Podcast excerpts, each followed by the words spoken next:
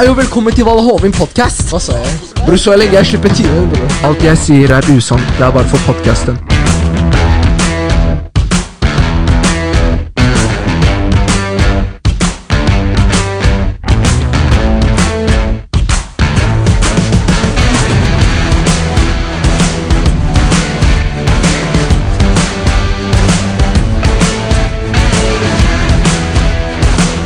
Hei og velkommen til andre episode av Vallepodkasten.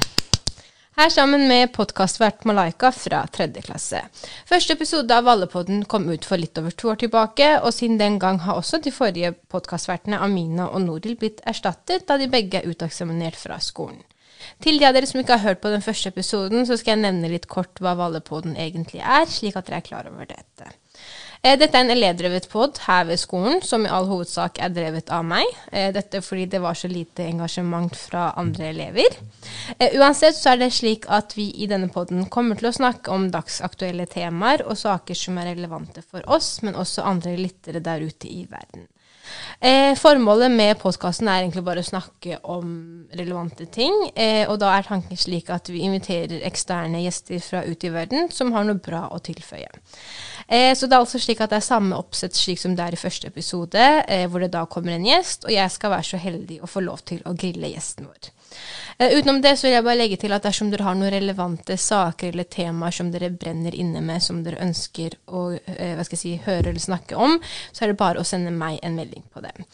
Eh, spenn dere fast. Det er bare å finne frem notatblokka, penn, papir, PC, whatever, noe snacks, for her kommer det noen virkelig gode råd som er verdt å merke seg, da dagens gjest er Arham Sheikh, som er sisteåret medisinstudent her ved Universitetet i Oslo. Du Arham kan jo bare starte med å introdusere deg selv. Yes, takk Malaika. Det her er den vanskeligste biten. Å si litt om seg selv. Ja, hvem er jeg? Arham Sheikh, som du allerede har sagt. Jeg er 27 år.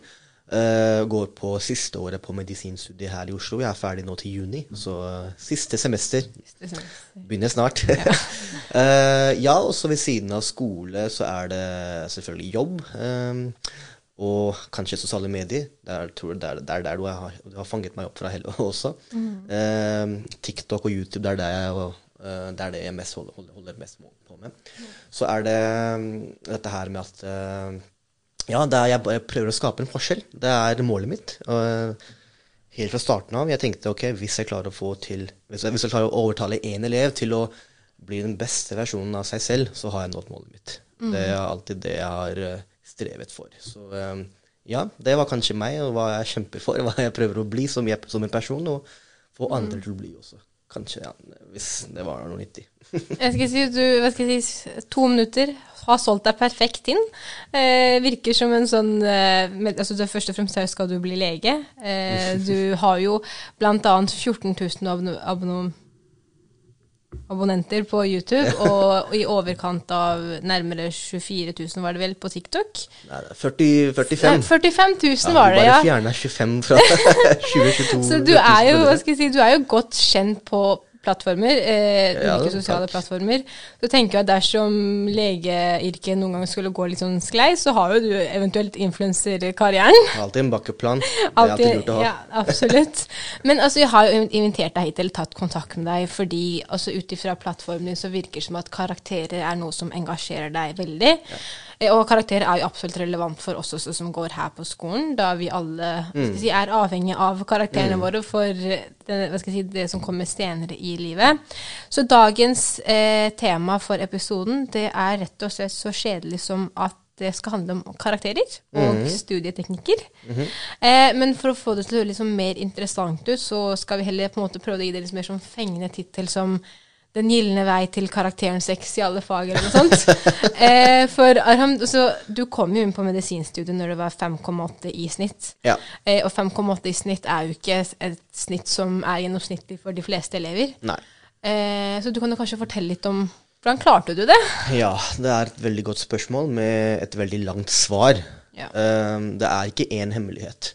Um, selvfølgelig man må jobbe hardt og alt det der, ikke sant? det trenger ikke jeg å gå inn på. Det er obvious. Men jeg tror for min del trikset lå i at jeg er oppvokst i Pakistan. Ja. Og det hadde veldig, veldig veldig mye å si.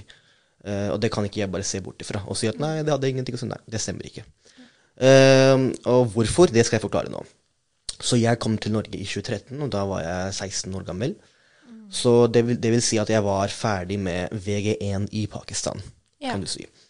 Um, og da jeg flytta til Norge, så måtte jeg først lære meg norsk. Bruke ett år på det, ikke sant. Eh, på norskopplæring. Og så begynte jeg på videregående. Og, men jeg måtte begynne på VG1, eh, altså gå VG1 på nyttær i Norge, selv om yeah. jeg var ferdig med okay, VG1 yeah. i, Nor i Pakistan. Og det er fordi at man ikke kan bare rett hoppe, hoppe, hoppe over til VG2, men du må gå hele løpet på skolen her i Norge. Um, men da jeg begynte på videregående her, eh, la oss si i VG1, så hadde jeg T-matte. Så begynte jeg fort å innse at ok, det vi lærer nå, algebra og litt basic ting, sånn som grafer og derivasjon, alt dette her har jeg jo lært i Pakistan i sjette, syvende klasse. Ja, ok. Så jeg yeah. kunne jo veldig mye fra før. Um, og skoler i Pakistan, der er det generelt ekstremt mye press. ikke sant? Én ting er jo pensummessig, at man lærer avanserte ting på en ung alder. Nummer to, det er det at du har karakterer allerede fra første klasse i Pakistan. Og det er allerede den Så du blir oppvokst, eller eh, Ja, oppvokst, kan du si, med, med den der um, karaktermindseten. At jeg må skille meg ut, jeg må være den beste. Det er konkurranse. ikke sant? Du blir et skikkelig konkurransemenneske. ja. Eh, så det at jeg var oppvokst der, hjalp meg med mentaliteten. At ok, jeg må jobbe hardt. For da jeg kom til Norge, så det eneste jeg hørte fra folk, var at ok, nei, sexy sitt. Å, medisin i Norge, det er helt umulig. Det Ja, ikke. Nei, for å avbryte deg, det er jo det man ofte hører nå, at vet du hva, Ja. 60 snitt, Ja. det får jeg ikke til, og da gidder jeg heller ikke. Ja, ja, nettopp. Men så det er jo ikke riktig. Det er bare tull. Uh. La oss bare se på medisin i Oslo. Hvert år så er det 220 studenter som får over 60 snitt. Så det er mulig. Det er absolutt mulig. De ja. 220 studentene, hva er det de spiser til frokost? Er det noe helt annet enn det du spiser? Nei, det er ikke det. De har samme diett, de trener, de gjør alt det samme som du gjør. Ja. Eh, men det er bare mentaliteten, det er mindseten som er forskjellen. Det er det som skaper forskjell. Og den mindseten fikk jeg i Pakistan. At nei, ok, uansett hva folk sier, så må jeg jobbe hardt. Jeg må prestere eh, på, til min beste evne.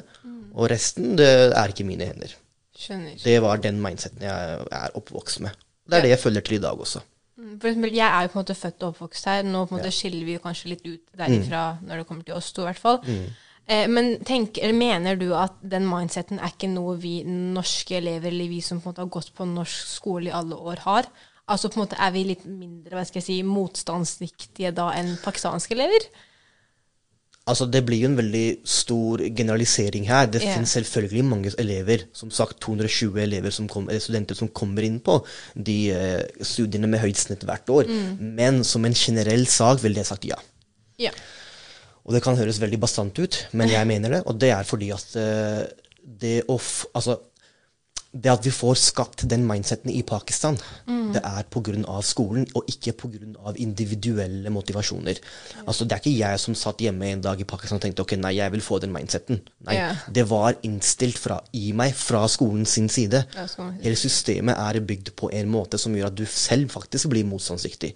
Altså, vi hadde skole fra åtte til fire, ikke sant. Og så kommer du deg hjem, og så må man dra på det som heter tuition centers. Altså det er sånn eh, eksterne, privatdrevne skoler, holdt jeg på å si, der du er altså, Så du får på en måte leksehjelp eller eh, hjelp i fag som du er svak på, og det er rett etter skole.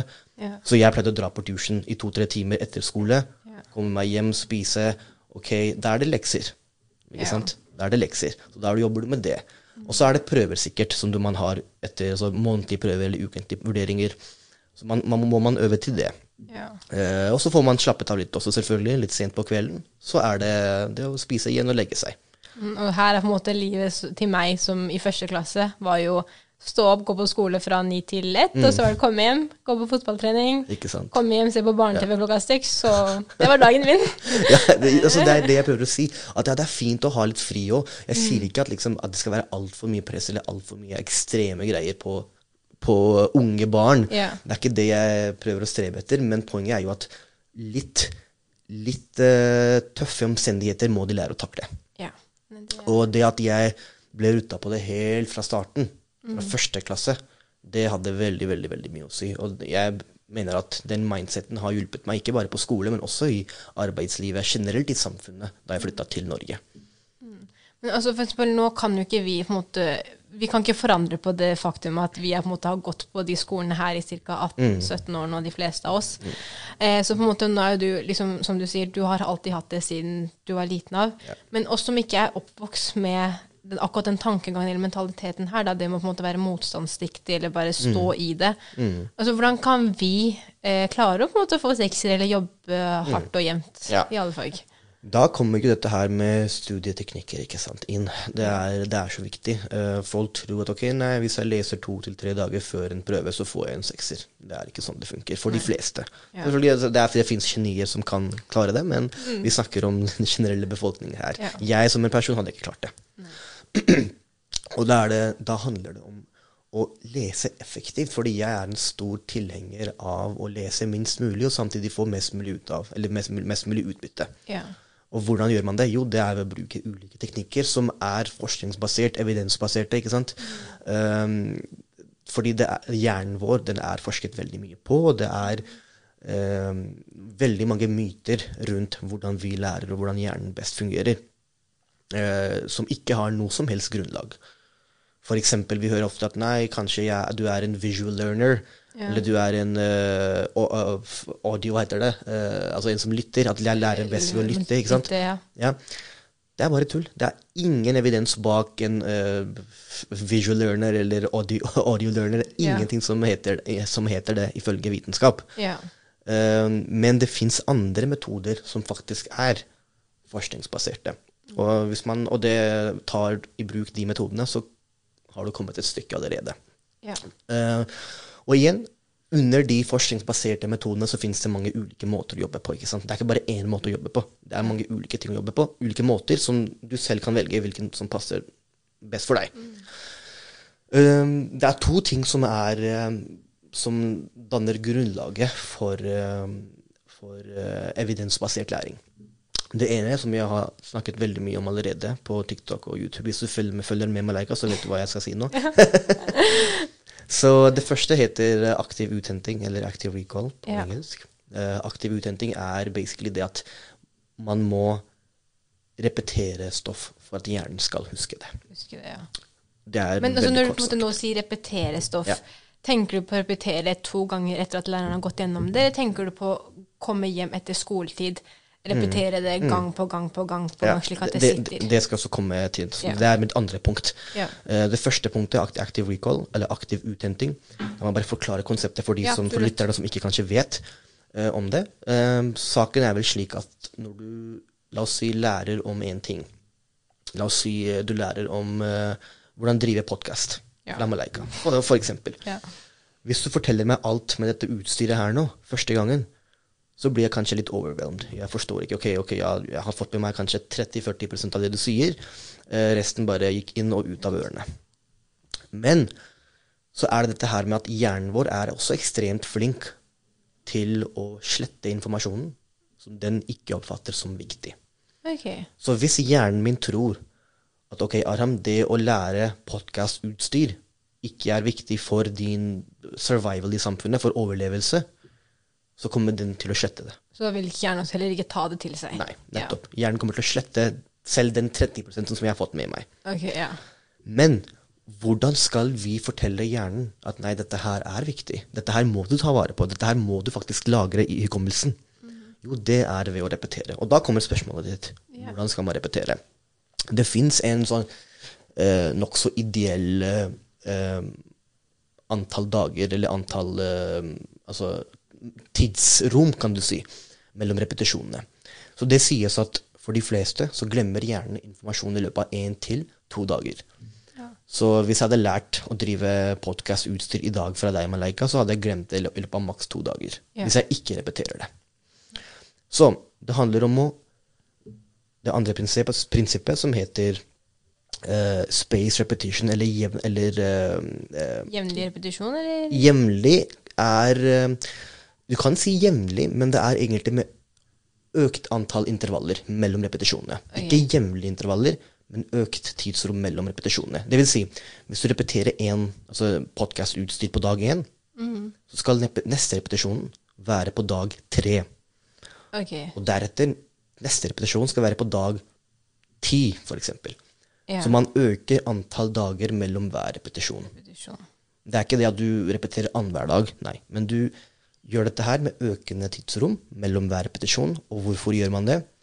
Man gjør det fordi hvis du gjør det med økende intervaller, så rekker hjernen å glemme litt mellom hver repetisjon. Så det er på en måte sånn lure hjernen også, yeah. liksom? ja. Ja. At ok, jeg har glemt litt, nå må jeg faktisk lære meg det igjen på nytt. Fordi dette er viktig, dette må du lagre. Og når hjernen eventuelt innser at ok, oi, Arham har repetert podcast utstyr tre-fire ganger, dette her må være viktig for hans overlevelse i samfunnet. Ja. Da kommer den til å lagre det i din langtidshukommelse. Mm.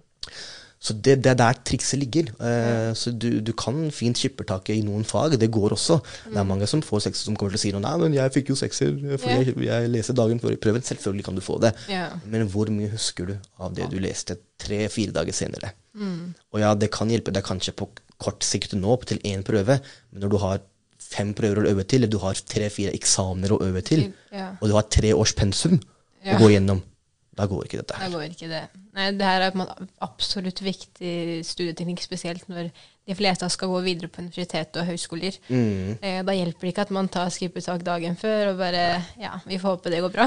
For det er jo ikke, si, det er jo ikke sånn livet si, ellers fungerer, da. Nei. Det går kanskje her og nå, men ellers så vil jo ikke det være relevant. Mm. Ja. Så eh, jeg tenker det er eh, viktig for elever å lære seg som man læ- på skolen, på videregående. Jeg vet ikke hvordan det er på Valle Hoven her nå, men Ja. på Kuben så lærte vi ikke hvordan man skal lese. Vi lærte alt vi skulle lese på, men hvordan vi skulle lese, det, det lærte vi aldri. Ja, og det er noe jeg faktisk for så vidt er enig i. Det er kanskje noe da norske skoler også bommer på, da. Mm. Det er sånn, ok, da går dere gjennom side 200 til 350, men hvordan går dere gjennom Mm. Ja. dem? Altså, det får du ikke noe oppskrift på, Nei, da. nei. Eh, og nå er det på en måte også selvfølgelig veldig individuelt basert hva som faktisk eh, passer en person selv best. Ja, ja, ja, Eh, absolutt. men det du på en måte nevner der med repetisjon, det er jo noe som går igjen og igjen, og på en måte hjelper da de Mm. ja, fleste. Ja, ja. Så En ting jeg glemte å nevne, nevne nå, da med Leica, det er jo at aktiv uthenting hva, hva betyr det, aktiv uthenting? Det er et sånn komplisert ord. Kan ikke Ja, ja, du ja. ja. Altså, aktiv er det motsatte av passiv. Ja. Passiv vil si at uh, hvis du har et ark foran deg nå med spørsmål relatert til podkasten, Mm. og så bare leser du det opp, ja. det er passivt. Det er passivt. For du har det foran deg, og du bare leser det. Så hvis du har tekstbok foran deg med et avsnitt om, om uh, hvordan lage sjokolade, Ja, så bare leser du det, det er passivt. det er passivt. Aktivt blir det motsatte. Altså hvis du har det foran deg, men istedenfor å lese selve avsnittet, så lukker du boka, eller lukker eh, oppskriften, og prøver å gjenfortelle eller gjenkalle hva det, kunne, hva det var. Hvis du ikke kan det fra før, så kan du brainstorme. Ok, hva kan det være? Du trenger ikke gjøre det veldig lenge, men kanskje maks 30-40 sekunder. Yeah. Da primer du hjernen. Den hjernen blir oppvarmet til å motta mer informasjon. Motta mer Så aktivt vil bare si at du gjenkaller informasjon. Yeah. Så når du har lært eh, på dag én, f.eks. hvis du lærer om eh, geografi, og hvordan eh, fjord skapes, et eller annet Ja. sånt Jeg husker ikke en del, av noe av det nå, men ja, hvordan de eh, dannes.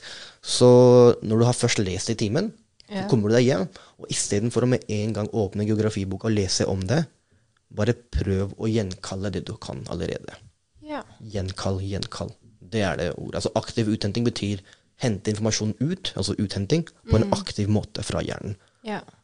Det er sånn hjernen lager informasjon. For det høres kanskje litt sånn tungvint ut at du må yeah. på en måte sitte og repetere og uthente viktig informasjon og sånt. Men som sagt, det er det som må til for å få til bra karakterer, da, eller? Altså, det, det stemmer. måter? Det kan være litt tungvint i starten, men jeg mener at etter hvert, når du har gjort det såpass mange ganger, så klarer du faktisk ikke å lese passivt. Altså Nå som jeg har gjort, drevet med dette her i såpass mange år, så blir det altfor kjedelig for meg å bare slå opp en tekst og lese det, liksom. Uten Ja. å gjenkalle det. Fordi gjenkalle Altså, hva er en eksamen? Det er gjenkalling. Det er gjenkalling, ja. Så du øver på eksamensformen hver eneste dag når du leser. Uten at du faktisk er bevisst på det. Nettopp. Og da, blir du, da kommer du selvfølgelig til å naile seksere. Fordi du har øvd på det å ta en eksamen yeah. hjemme hver dag i så så, så, så mange år. Ja. Så øh, Det er, det er noe man ikke tenker over, men det er jo for så vidt sant, da. mm, absolutt. Men er det da den eneste måten at du har klart å få Du hadde jo 14 seksere på vitnemålet. Eh, det er langt over gjennomsnittet. Altså, som sagt, det, er, det ene var jo Pakistan-faktoren. Ja. Og det andre er jo at ja, jeg lærte, jeg leste jevnt og Altså, jeg leste jevnt i VG3, det vil jeg si. I VG1 og VG2 jobba jeg ikke så hardt. Ja. Det er kanskje fordi jeg ikke trengte å gjøre det, fordi Ja. jeg kunne masse fra, Pak i, fra Pakistan. Ja. Altså Mye av pensumet i Norge kunne jeg fra Pakistan. Mm. Så jeg trengte ikke jobbe like hardt i VG1 og VG2. Da hadde jeg stort sett femmere. Mm. I VG3 hadde jeg kun seksere.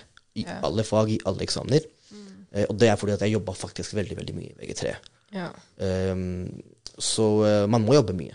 Det er også et triks. Du Ja. kommer deg ikke unna uten jobbing. Nei, og, og det er jo det som si, kan kanskje lede over til neste tema her i podkasten. At jeg føler da selv at vi norske barn vi gir opp veldig fort. Med en gang det kommer til at nå må vi faktisk jobbe, eller nå må vi faktisk legge ned innsats. Nei, da, da gidder man ikke mer. Ja. Men hva skal jeg si, hva kan man gjøre? da? For nå snakker du også mye om motivasjon og det med hva skal jeg si, selvbevissthet og livskvalitet og sånn. sånn. Hvordan kan vi forandre på det? Sånn, hva kan vi gjøre til å faktisk ville legge ned innsats i det vi gjør, og bare ikke gi opp så fort, da? Ja, altså norske barn altså Jeg mener at ehm, vi, har, vi har det såpass bra i Norge yeah. at vi takler utfordringer veldig dårlig. Yeah. Uh, og det er én ting jeg selv har sett og, opp, og opplevd yeah. når jeg sammenligner mitt liv i Pakistan versus i Norge. ikke sant? Eh, så det å, bli, det å bli mentalt tøft, det er jo noe jeg heldigvis fikk i meg fordi jeg var oppvokst i Pakistan. Men de som da ikke er det, de som faktisk bor i Norge og er oppvokst her, jeg tenker det, Fordi du, du, får ikke, du, får ikke, du får ikke dette her på skoler. Så da må du selv jobbe for det. Og jeg mener altså internett, det er så Det kan brukes på så mange forskjellige måter. Dagens ungdom bruker det på å loke på TikTok i 4-7. Se på tullevideoer, ikke sant? Istedenfor å bruke den tiden på personlig utvikling. Ja. eh, og bli den beste versjonen av seg selv. Jeg, jeg, altså, det er så lite fokus på det, og jeg skjønner ikke hvorfor. Ja. Tik, altså Algoritmen på TikTok, folkens, dere som hører på, dere vet hvordan det funker. Hvis dere ser én video av meg danse, så alle de andre videoene Det er jo samme Ja. greiene, ikke sant. Men hvis du ser to-tre videoer av folk som snakker om motivasjon, folk som snakker om disiplin, ikke sant? folk som snakker om å bli den beste versjonen av seg selv, Ja. og bli 2.0-versjon, ikke sant, Ehm, da får du opp slike videoer ofte. Så det handler jo også om å bruke TikTok eller sosiale medier på en fornuftig måte, og skreddersy din For you-page ja. til eh, dine behov, Ja. istedenfor å bare konsumere alt som dukker opp. Jeg, tenker, jeg tenker, mener den beste måten dagens ungdom kan faktisk bli eh, eh, sterkere mentalt og disiplinert, er ved å konsumere den type content. Content, innhold på sosiale medier, det er gull verdt nå. Jeg hadde ikke det for 10-15 år siden, da jeg gikk på skole i Pakistan, eller yeah. da jeg var eh, elev på videregående. Yeah. Så eh, hør på podkasten med, med, andre ord. Men da håper jeg at eh, det er noen der ute som faktisk lytter, eller kommer til å lytte på det her. Vi får krysse fingrene for det. Men altså da, skal jeg si, for å ta det litt på spissen. Du har jo ikke blikka 30 engang, du er nærmere sagt 27. Eh, og til de, nå er jo dette her for det meste kun lyd, men det kommer noen sånn videoklipp her og der. Og hvis ikke er det bare å søke deg opp på ulike plattformer. Du har jo ikke hår på hodet. og da er det sånn ofte jeg, jeg, si, jeg har jo gjort litt sånn research på deg før jeg inviterte deg hit. Og da så jeg en kommentar som ofte gikk inn, og det var at du har jo ikke hår på hodet. Er det pga. alt stresset? Eh, det er spørsmålet mitt. Jeg skal si Det at du ikke har hår på hodet, er det virkelig pga. alt det stresset og press om at uh, få sekser og medisin og Jeg gråter så mye hver dag, jeg. Nei da. Altså, det er en veldig stor misconception. Det er yeah. en stor myte. Folk tror at ok, hvis jeg jobber hardt på videregående, så blir jeg skalla som Aram. Yeah. Det er ikke sant, folkens. Jeg, hvis, jeg kan eh, prøve å kanskje eh, redigere noen bilder fra videregående-tiden. Yeah. Og da hadde jeg allerede veldig kort hår. Yeah. Eh, og da var jeg, jeg hadde nettopp fylt 18, liksom. Og hadde begynt å miste hår. Yeah. Og det var ikke pga. stresset, det er fordi jeg hadde, hadde gener for det. ikke sant? Er Jeg er så heldig at jeg har så gode gener at, um, eh, at jeg ikke har hår. Eh, og saken er jo at man må bare eie seg selv. Det er, eh, jeg tror det er der det ligger. At man må bare godta seg selv, istedenfor å tenke på at nei, jeg ser ikke bra ut, jeg må ta en tur til Tyrkia, eller at, Ja. Hvorfor? Ja. Så nei, det er ikke pga. stresset, det er pga. gener. Pappa, alle mine onkler, alle mine fettere, alle sammen er skalla. Så dette er en slags familiesymbol vi sier. Ja. Eh, Da har vi fått avklart det, hva skal jeg si, den eh, teorien der også, om at eh, press og stress det gjør at du får måneder før du fyller 30. Det gjør det absolutt ikke. I dette tilfellet er det genetisk. Ja, altså Ja. medisinskmessig Ja. så selvfølgelig kan stress lede til hårtap også. Ja. Depresjon, stress, alt dette her kan lede til hårtap. Det, må vi, det er ikke det jeg sier, Mm. Ja. men i mitt tilfelle så var det gener, ikke stress og alt dette her. Mm, nei. Nei, Men da har vi fått avklart det også. Da, Ja, det er viktig. Eh, men videre er det slik at du kom jo til, som du nevnte selv, du kom jo til Norge som 16-åring, og du begynte som 18-åring i VG1. Og rett etter det, tre år senere, så kom du rett inn på medisinstudiet. Men altså, veien dit har jo ikke vært enkelt, eh, for å si det på den måten. Eh, og når du kom inn, så var jo snittet for medisin i Oslo 5,8. Eh, I dag så er det rett over 6 i snitt. Eh, og seks i snitt, det er absolutt ikke det som er det gjennomsnittlige for de fleste elever. Eh, jeg tenkte bare sånn, Nå skal jo mange av forhåpentligvis mange av de her også søke videre studier.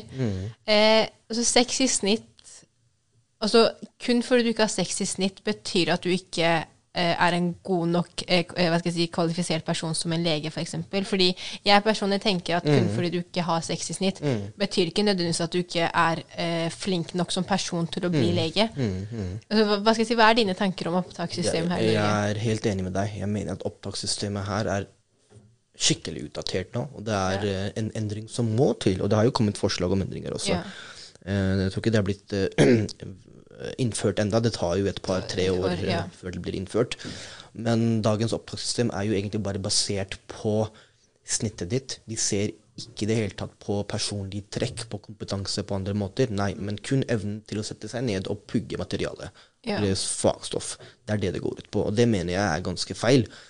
Uh, hvor skal min sekser eller firer i gym, kroppsøving eller historie, uh, eller selv i geografi, Ja. Er hvor skal det ha noe å si for hvor flink lege kan jeg, jeg kan bli? Ja. Ikke sant? Eh, og hvis det hadde noe å si, hvis det var såpass viktig, så hadde faktisk de mest anerkjente universitetene i verden også innført den samme modellen. Ikke Ja, sant? for det er jo litt interessant å se på. Vi ser jo at mange av de topp hva skal jeg si, universitetene i både USA, England osv. Mm. de har jo et eh, opptakssystem som er basert på intervju, 50 Mm. eh, Der du på en måte enten har live fysisk intervju, eller at du på en måte blant annet skriver en essay eller noe sånn personlig om deg selv. Og så har du ca. kanskje 20-40% som da baserer seg på karakterer. da. Så man ser jo da at Ja, eh, det er det også en, en ting til yeah. som er veldig viktig, og det må alle gjennom, og det er opptaksprøver. Opptaksprøver, ja. Så hvis jeg vil bli lege i Oxford eller i yeah. Harvard, så må jeg gjennom en sånn prøve som heter MCAT eller et eller annet sånt. du må ta den prøven, yeah. og hvis du får gode eh, karakterer eller godt nok points, eller poeng da, på den prøven, så er du kvalifisert til en intervju. Ikke Ja.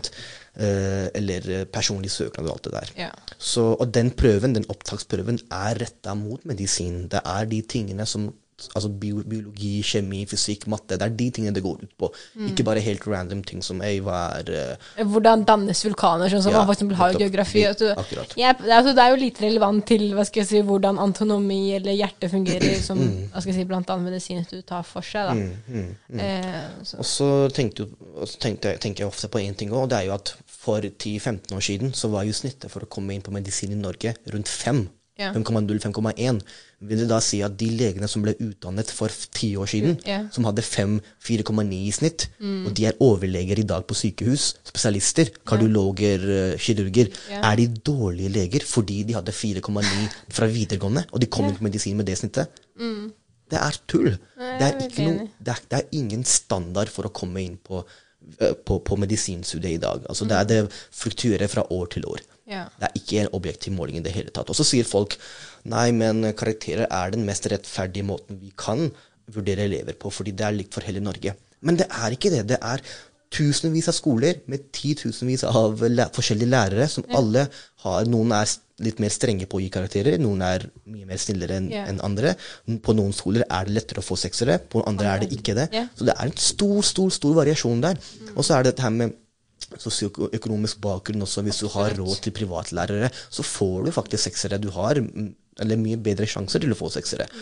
Eh, så det er, det er store forskjeller her, og jeg mener at vi må ha en standardisert program, yeah. eller opptaksmodell, eh, som alle må gjennom, slik at alle kan på en måte være like kvalifiserte.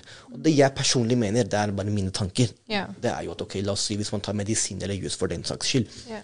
Så mener jeg det burde være et minimumssnittkrav. At ok, hvis du har la oss si fem i snitt, så er du kvalifisert til å ta en opptaksprøve.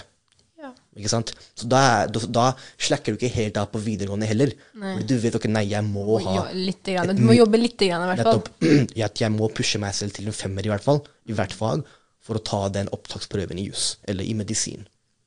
Og så kan de basere eh, opptak ut if- base- um, ut ifra poeng eller score på den prøven, for eksempel. Mm. Nå har jo, det, som du sagt, så har på en måte kommet nye innføringer her nå, men de har bare ikke blitt gjennomført ennå. Så vi får jo se det om to-tre år, når de Mm. Ja. faktisk trer i kraft, om det kanskje har noen endring. Fordi Ja, ja. det er jo Snittet øker og øker bare. Så jeg Ja. Mm. tenker på en måte, hvor skal grensen gå? Det skal snittet gå helt opp Ja, ja. til uh, 6,5. Altså hvor mange tilleggspoeng også, hva skal jeg si, må du krige deg selv for, da. Ja, ja. Det finnes jo alt mulig poeng. Kvinnepoeng, eh, Kjønnspoeng, kjønnspoeng ja. og så eh, alderspoeng, poeng for militæret. Og de som kommer i en ordinær kvote, de har jo som regel over 70 i snitt nå. Ja. For medisin, eksempel. Jeg tror det var på 70, kom et eller annet eh, ved siste opptak. ja. Hva er det der? Helt ærlig, hva, hvor er det vi skal? Altså, rett ut, jeg skulle si, Er det da mennesker, eller er det da roboter? Ja, spør du meg.